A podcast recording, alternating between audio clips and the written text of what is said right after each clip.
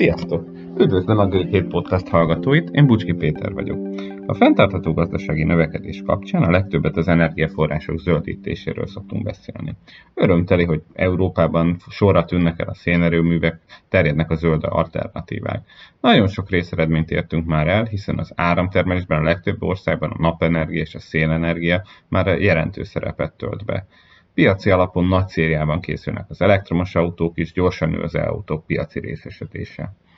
Elég lenne mindez ahhoz, hogy most már csak kivárjuk az átállást a zöld alternatívákra, és minden rendben lesz. Mai vendégünkkel Szabó Johnnal annak jártunk utána, hogy az energiagazdaságban milyen folyamatok érvényesülnek, és mennyire reálisak ennek kapcsán a fenntartható jövőre vonatkozó ígéretek. Szervusz John, köszönöm a beszélgetést. A Közgazdaság és Regionális Tudományi Kutatóközpont világgazdasági intézeténél az fenntarthatósággal és az energiaiparral foglalkozol, és ennek kapcsán ugye talán a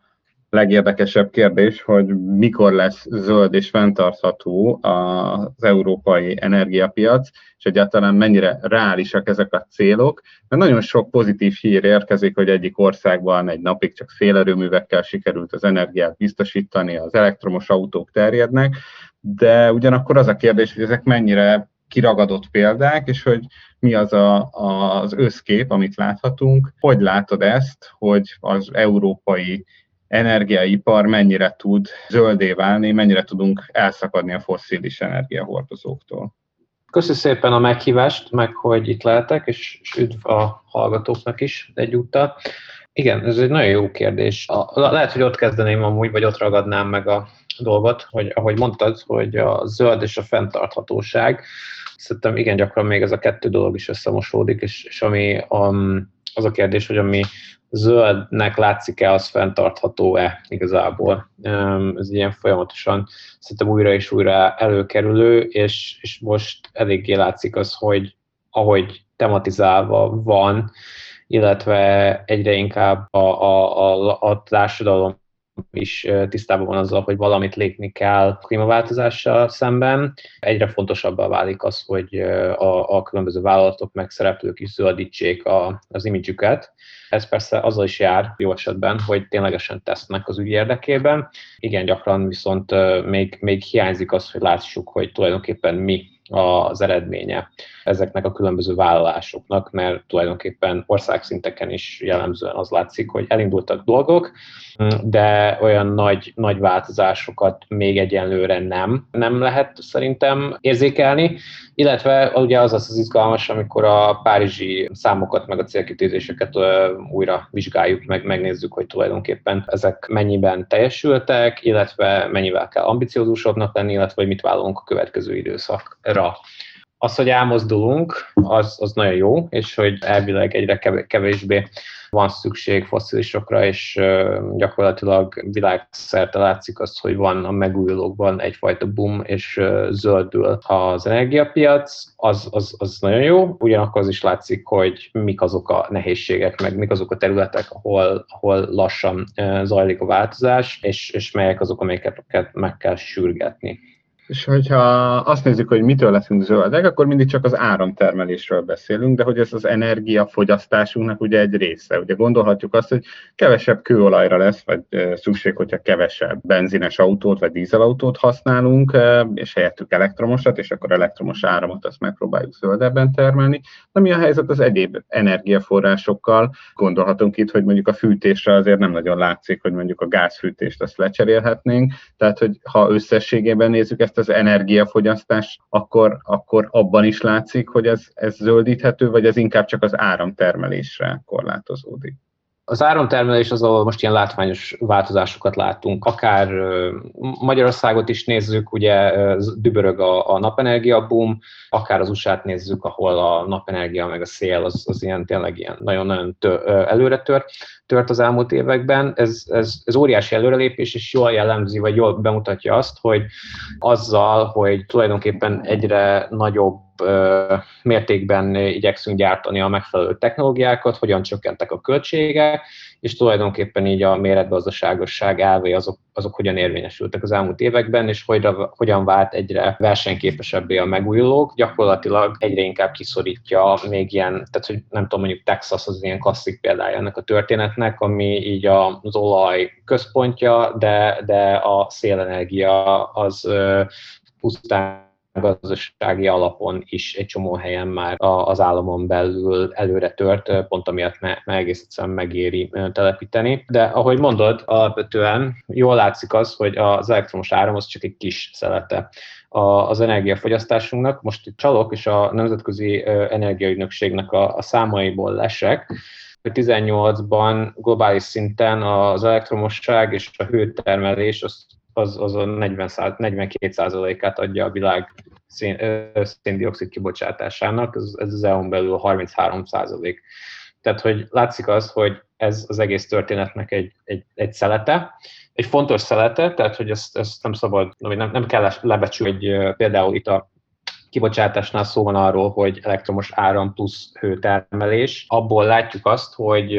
a megújulók jelenlegi formájukban leginkább az elektromos áramot tudják, tudják kiszorítani, illetve kihelyettesíteni a fosszilis. A hőtermelésnél ez jóval problémásabb, mert hogy erre viszonylag kevés hangsúlyt fektettek eddig, és az lesz tulajdonképpen a következő dimenzió sok szempontból, ami, ami az igazán nagy kihívás, hogy hogyan váltjuk ki azt a rengeteg sok szén, meg, meg földgáz, földgázat, ami, ami beépült az energia mixben. És akkor ezzel párhuzamosan meg a ott van a többi szegmens is, amiket, amik azért komolyan kell foglalkozni, meg, meg sokan foglalkoznak vele. Ugye jól látszik az, hogy gyakorlatilag a világ emisszióinak a negyede az, az, a, az a transportból, és ezt, ezt is végig gondolni azt, hogy hogyan dekarbonizáljuk, ez egy, ez egy marha nagy kérdés, figyelembe véve azt, hogy a járműveknek mekkora szerepe van dízel, benzin. Egyaránt a belső égés motoroknak a, a dekarbonizációja az hogyan lendíthető előre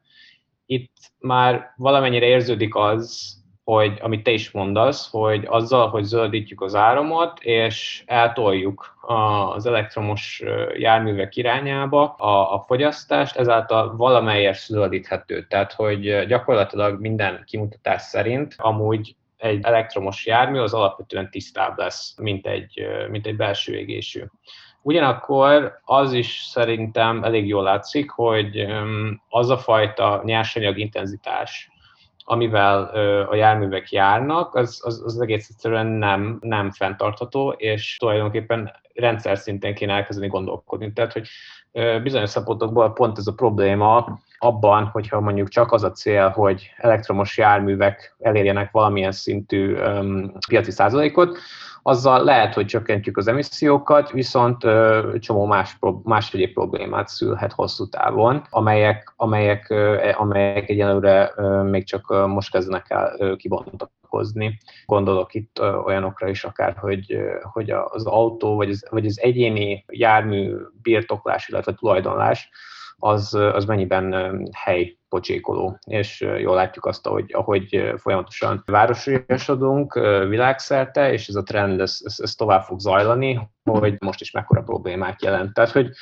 hogy egy problémát megold, de más szempontokból meg nem feltétlenül fenntartható, és jól látszik az, hogy milyen rendszer szintű változásokra, meg rendszer szintű gondolkodásra van szükség, annak érdekében, hogy ezeket a problémákat egészében, meg, meg komplexitásukban próbáljuk megragadni,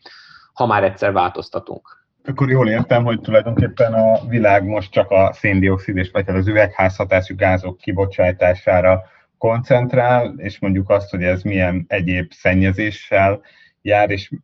más szempontokból milyen a fenntarthatósága, ezek, a, az, ezek nem igazán kerülnek be a stratégia alkotásba, tehát ezek nem olyan fontos szempontok. Ezek csak fokozatosan, tehát hogy, hogy, hogy itt van, van ugye egyfajta szerintem ilyen tanuló ív is, vagy egy ilyen, egy ilyen tanuló pálya is ezzel kapcsolatban, ami, ami elég szépen kirajzódott. Erre elég jó példa amúgy a, a földgáz, amivel, amivel aminek a föntarthatóságával többet foglalkoztam, hogy ott is ugye nagyon-nagyon sok évig úgy tartották, hogy ugye ez a leg, legtisztább foszilis energiahordozó, ami tényes való, hogyha csak a, a, az égése során keletkezett emissziókat nézzük. Ugyanakkor, hogyha megnézzük azt, hogy például az életciklusa alatt mennyi emisszióhoz vezet, és mekkora metánszivárgás, akkor jól látszik az, hogy hát ez, ez lehet, hogy, hogy mégsem a legtisztább, vagy, vagy, vagy, vagy, vagy sőt, még szennyezőbb, mint a alternatívái sok szempontból. És ez a fajta megértés az, ami elkezdett egyre nagyobb szerepet játszani szerint mondjuk az elmúlt 5-6-7 évben. Itt szerintem nagyon hasznos az például, hogy elmozdultunk abból az irányból, hogy csak a mondjuk a végső CO2 kibocsátást mérjük, és, és tudjuk, és mondjuk megnézzük azt, hogy életciklusában egy termék, vagy egy, vagy egy szolgáltatás, vagy, vagy egy energiaforrás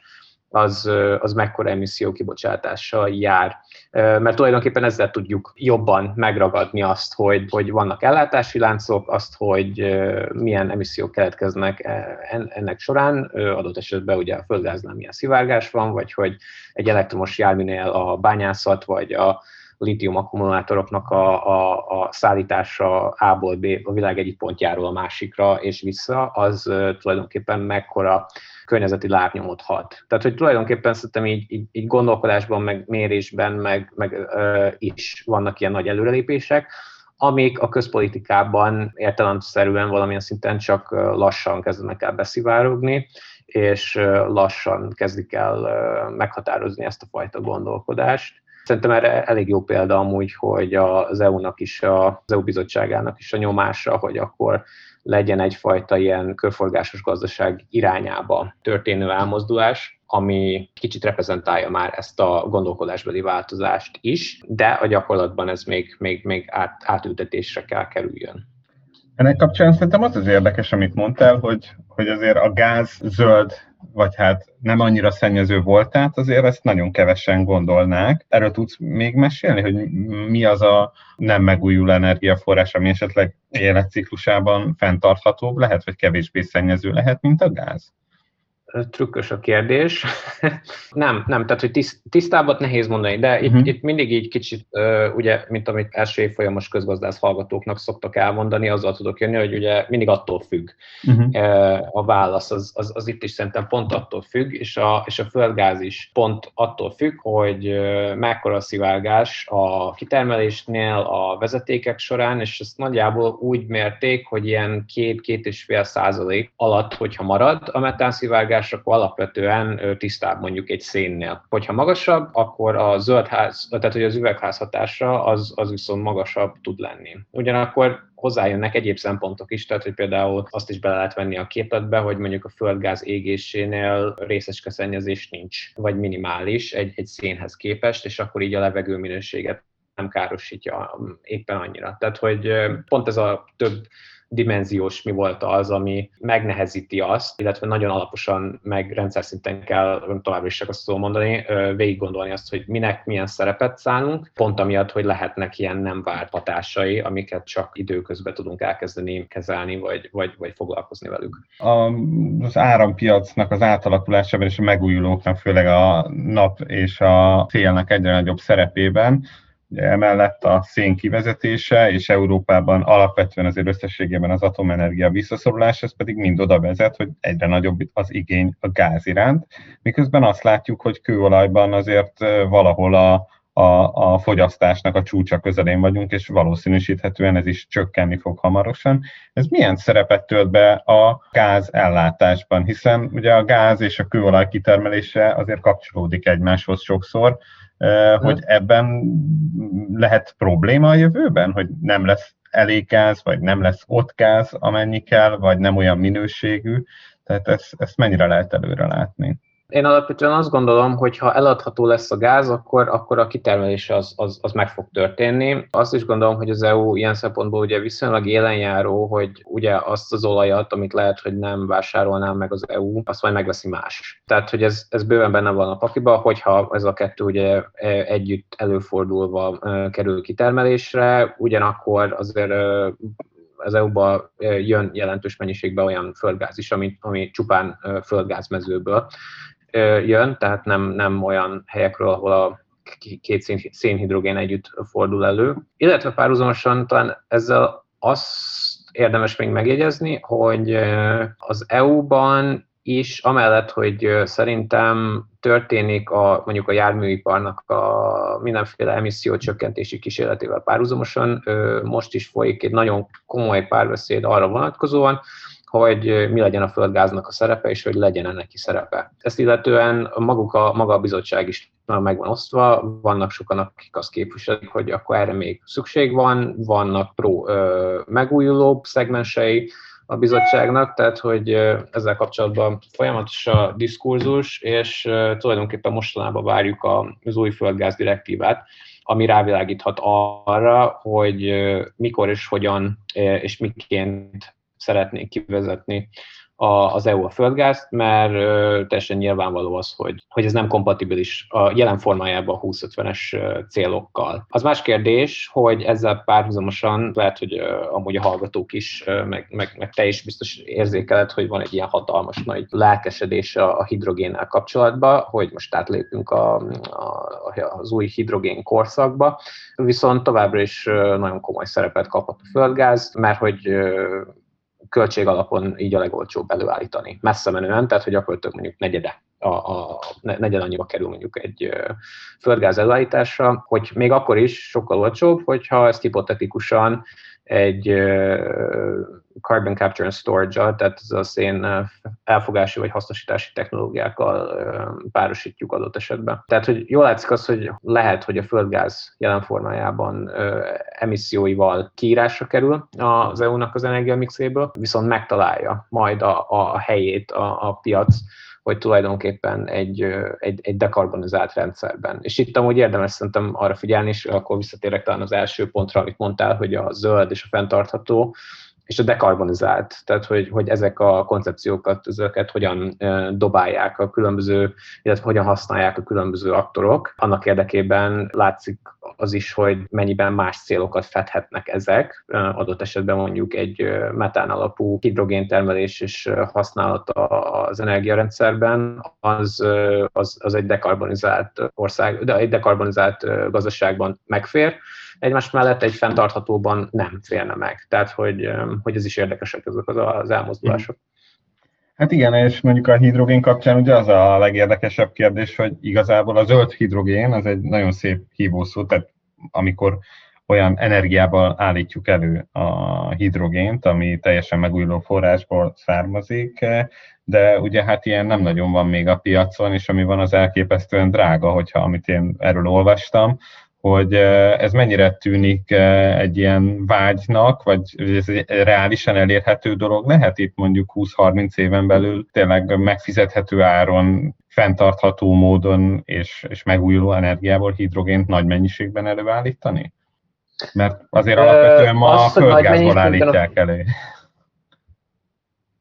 Igen. Igen, abszolút, abszolút. A hidrogén az már most is nagy szerepet játszik, és jellemzően az olajfinomítás. Tehát, hogy két területen, az egyik az olajfinomítás, a másik meg a, a fertilizer. Műtrágya, uh, igen. Gyorsan akartam mondani műtrágyáz. Köszönöm. A műtrágyagyártásnál játszik fontos szerepet a, a metán és a, és a, és a hidrogén. És ez, ez, ez, ez azért fontos, mert bizonyos szempontból reflektálja azt is, hogy tulajdonképpen mely cégeknél van a szakértelem ezzel kapcsolatban. Illetve az is látszik, hogy ahogy mondtam, hogy tulajdonképpen a földgáziparnak egyfajta túlélését is jelentheti az, hogyha sikerül ezt a hidrogén sztorit megfelelően kezelni. Mert hogy akkor a metánra továbbra is lesz igény, és ahogy mondolt, hogy költség alapon egyelőre nagyon-nagyon brutálisan drága hidrogént nagy mennyiségben előállítani, de ugye a, tehát ugye a, talán az M- egyik probléma az az, hogy az hidrogén feltételezés az arra épül, hogy itt uh, akkora fölös megújuló kapacitások lesznek, amiket nem tudunk fogyasztani, és ezért, uh, mivel ez null költségű vagy mínusz költségű adott esetben, ezért ez nagyon jó lesz, ha majd hidrogénnel alakítjuk, és úgy fogyasztjuk el. Ez, ez elméletileg lehet lehetséges, a gyakorlatban viszont, viszont egyenlőre az egyáltalán nem tartunk ott. Tehát, hogy ez, ez, ez mondjuk lehet 10-20 év múlva állhatnak elő nagyobb mértékben. Alapvetően ez a hidrogén dolog, ez, ez az EU-ban is most ilyen nagyon, nagyon nagy figyelmet kap, Ugyanakkor nagyon-nagyon sok a szkeptikus is ezzel szembe, hogy van-e ennek értelme, hogy tulajdonképpen ez, ez nem, nem egy túl hatékony, tehát hogy energetikai szempontból sem túl hatékony, hogyha azt mondjuk, hogy van egy viszonylag alacsony hatékonyságú, megújuló energiát termelő egység, legyen az egy naperőmű vagy egy szélerőmű, abból utána egy hidrogént előállítani, ott az energiának a 30-40%-a az elvész. És utána, amikor hidrogénné alakítjuk, akkor kérdéses, hogy amikor ezt továbbítjuk, hogyan kerül elfogyasztásra a hidrogén, tehát hogy ezt elégetik, mint gázt adott esetben, vagy mondjuk ilyen üzemanyagcellákkal, ugye amik az autóban is ismerjük, úgy kerül felhasználásra. Bármelyik esetet nézzük, alapvetően az látszik, hogy, hogy az energiának egy markás része a kiindulási ponthoz képest az elvész, és ehhez képest, hogyha áramot termelne alapból is a, a, a megújuló egység, és azt használnánk fel, akkor a veszességek, a veszességek azok jóval alacsonyabbak.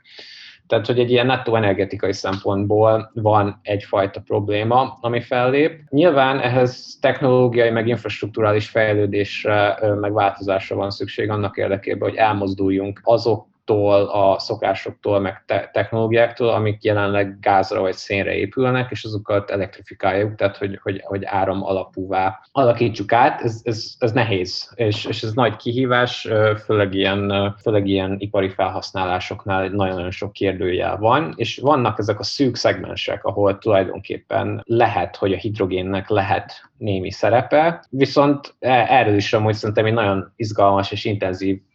diskurzus folyik, meg vita folyik tulajdonképpen a szakmán belül is, hogy kell-e ez, vagy akkor inkább minden energiánkat arra kéne, vagy abba kéne fordítani, hogy áram alapúvá tegyünk mindent, és megújuló alapúvá, illetve mindenfajta energiahatékonysági beruházást, meg, meglépést eszközöljünk, illetve végig gondoljuk ezt megint csak, hogy, hogy közlekedésből ugye indultunk ki, hogy kell mindenkinek autó. Mert alapvetően mondjuk egy járműnek a, az, az, az átlag kihasználtsága az 6-7-8-10 százalék maximum, attól függ, hogy a világ melyik részét nézzük, tehát hogy az gyakorlatilag az életének 90%-ában, vagy a garázsban, vagy az utcán, vagy, vagy nem tudom én hol ül. Tehát, hogy ennek fényében végig gondolható az, hogy tulajdonképpen sok szempontból tized annyi autóra van szükségünk, és hogy mennyiben lehet mondjuk egy jármű megosztással, vagy, vagy adott esetben tömegközlekedés fejlesztéssel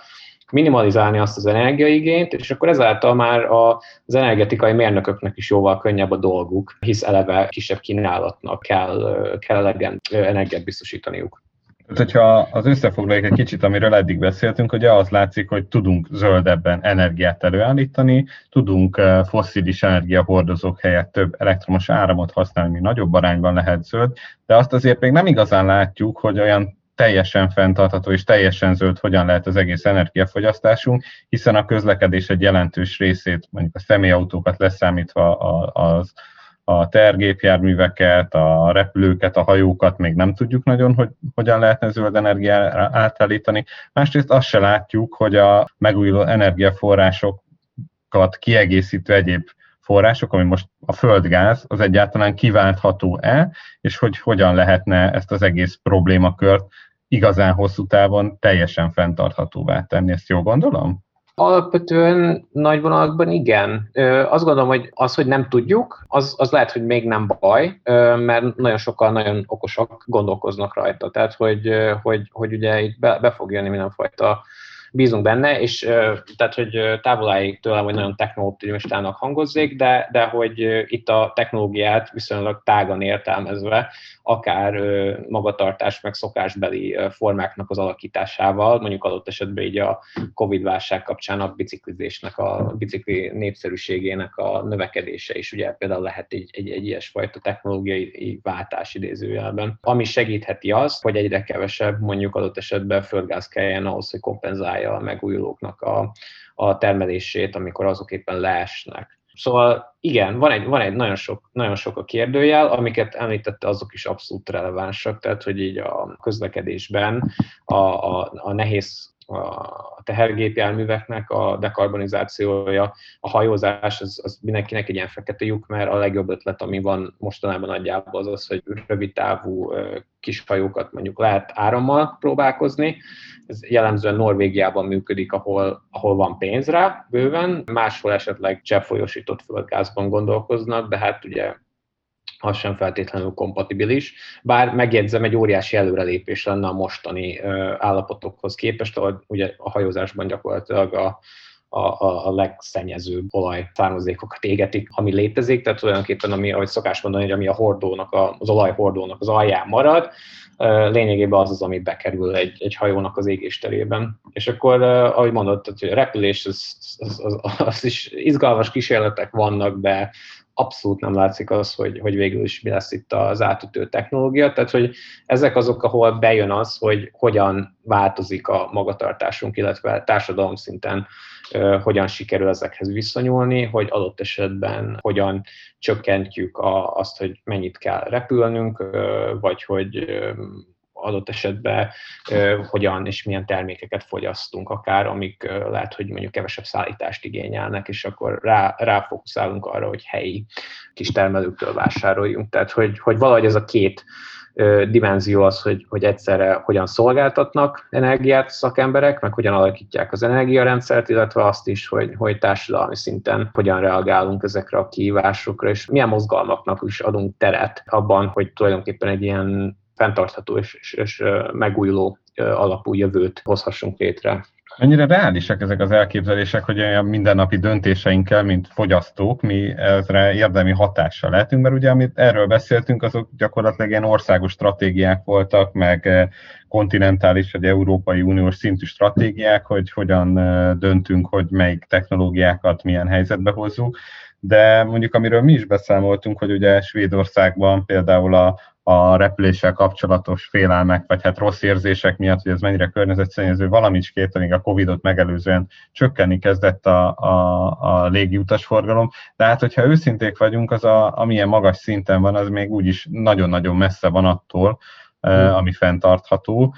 és hát jól hangzanak ezek a kezdeményezések, de hogy e, igazság szerint mekkora részére van egyáltalán hatásunk, tehát hogyha még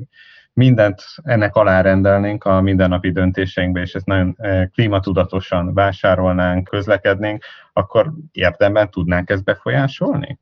Igen, igen, ez a, ez a millió dolláros kérdés gyakorlatilag. Azt gondolom, hogy igenis, meg nem is. Illetve azt is gondolom, hogy muszájak vagyunk. Tehát, hogy, hogy bizonyos szempontból megvannak annak a korlátai, meg ugye bejön az is, hogy mondjuk egy magyar főre jutó, meg ugye Magyarországon is belül is nem kevés különbségek vannak abban, hogy mekkora egy CO2 kibocsátása egy tehetős családnak, akinek van két autója, meg elmegy kétszer vagy, vagy többször egy évben nyaralni a, a világ másik végére, és ehhez képest mondjuk hogy néz ki egy, egy vidéki faluban élőnek a, a környezeti meg a, meg a CO2 lábnyoma, az, az, az gyakorlatilag teljesen, teljesen eltér egymástól, és ennek megfelelően a ráhatása is az, hogy az agenciájával hogyan tud beleszólni a történésekbe, az is abszolút befolyásolja azt. Ugyanígy, hogyha Magyarországot nézzük, akkor egy világviszonylatban még mindig jóval alacsonyabb egy mondjuk egy Amerikában egy főre jutó kibocsátási szinttől, amilyen brutálisan magas, mert ugye nagyobbak az autók, nagyobbak a házak, tehát egy csomó tényező van, Ettől függetlenül nem gondolom azt, hogy ilyen nagyon nihilbe, vagy, vagy egy nagyon nihilista állapotot kell ezzel kapcsolatban felvenni, és igenis vannak szerintem olyan dolgok, amiket meg lehet tenni. Tehát, hogy ha ugye a járműiparról, vagy, vagy a közlekedésről sokat beszéltünk, szerintem ott tök fontos és fontos dolgokat lehet tenni, akár azzal kapcsolatban, hogy az ember biciklivel vagy, vagy, vagy tömegközlekedve megy, ahelyett, hogy autóba ül, hogyha már muszáj autóba, akkor, akkor megnézni, hogy esetleg mondjuk autómegosztót lehet-e használni, ezek is jellemzően zöldebb megoldások, vagy adott esetben, hogyha, mert tényleg nehéz vagy, vagy, vagy szerintem érthető, hogy vannak olyan helyzetek, amikor egész egyszerűen nincs más opció. Ha meg az ember és autót kell venni, akkor meg, meg végig lehet gondolni azt, hogy ezt a mostani trendet, hogy mindenkinek terepjárója van, az kellene nekünk a Budapest városában terepjáró feltétlenül, mármint értem én, hogy sok a kátyú, de hogy, hogy alapvetően azt kevés dolog indokolja azt, hogy ne kicsi és könnyű, könnyű autókat vásároljunk. Tehát, hogy ez, ez mondjuk a csak a tömegközlekedésben gondoljuk végig, de ugyanígy végül is végig lehet gondolni azt, hogy hogyan lehet belenyúlni ebbe, hogyan lehet politikai mozgalmak támogatásával, vagy, vagy, vagy társadalmi mozgalmaknak adott esetben a, a támogatásával beleszólni abba, hogy amit mondtál, hogy a felülről jövő döntések azok mennyiben illetve a felülről jövő döntések és azoknak a döntéshozói mennyiben ér, érzik a, a, a társadalmi nyomást. Mert az sem elhanyagolható, hogy tulajdonképpen az elmúlt években szerintem nagy részt azért is volt elmozdulás ezzel kapcsolatban, mert, mert egyre inkább érződik az, hogy a fiatalok is felszólalnak, és látják azt, hogy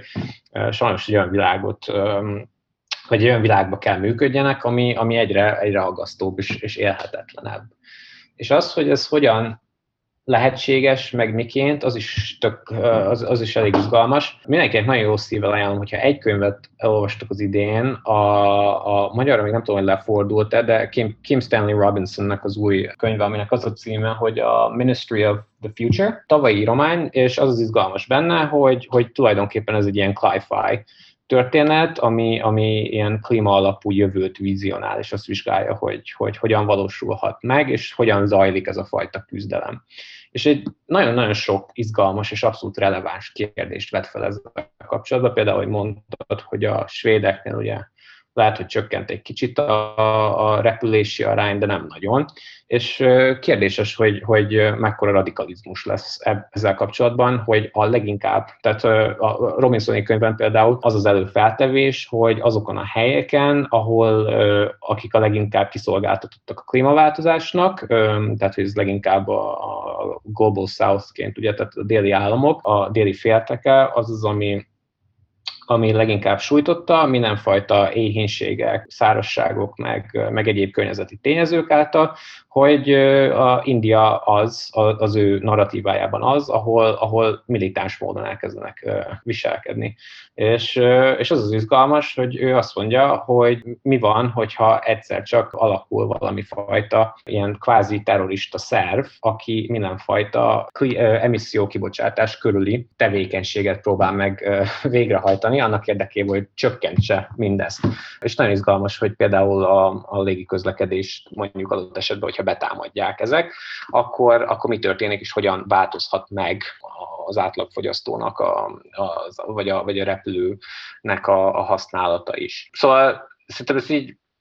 nagyon, nagyon, nagyon jó a szemlélteti tulajdonképpen azt, hogy mik azok, amik mentén ilyen, ilyen éles konfliktusok alakulhatnak ki, és ezzel, meg hogy tulajdonképpen nekünk már most, illetve a jövőben milyen fajta beleszólásunk lehet abban, hogy hogyan alakulnak ezek, a, ezek az ügyek.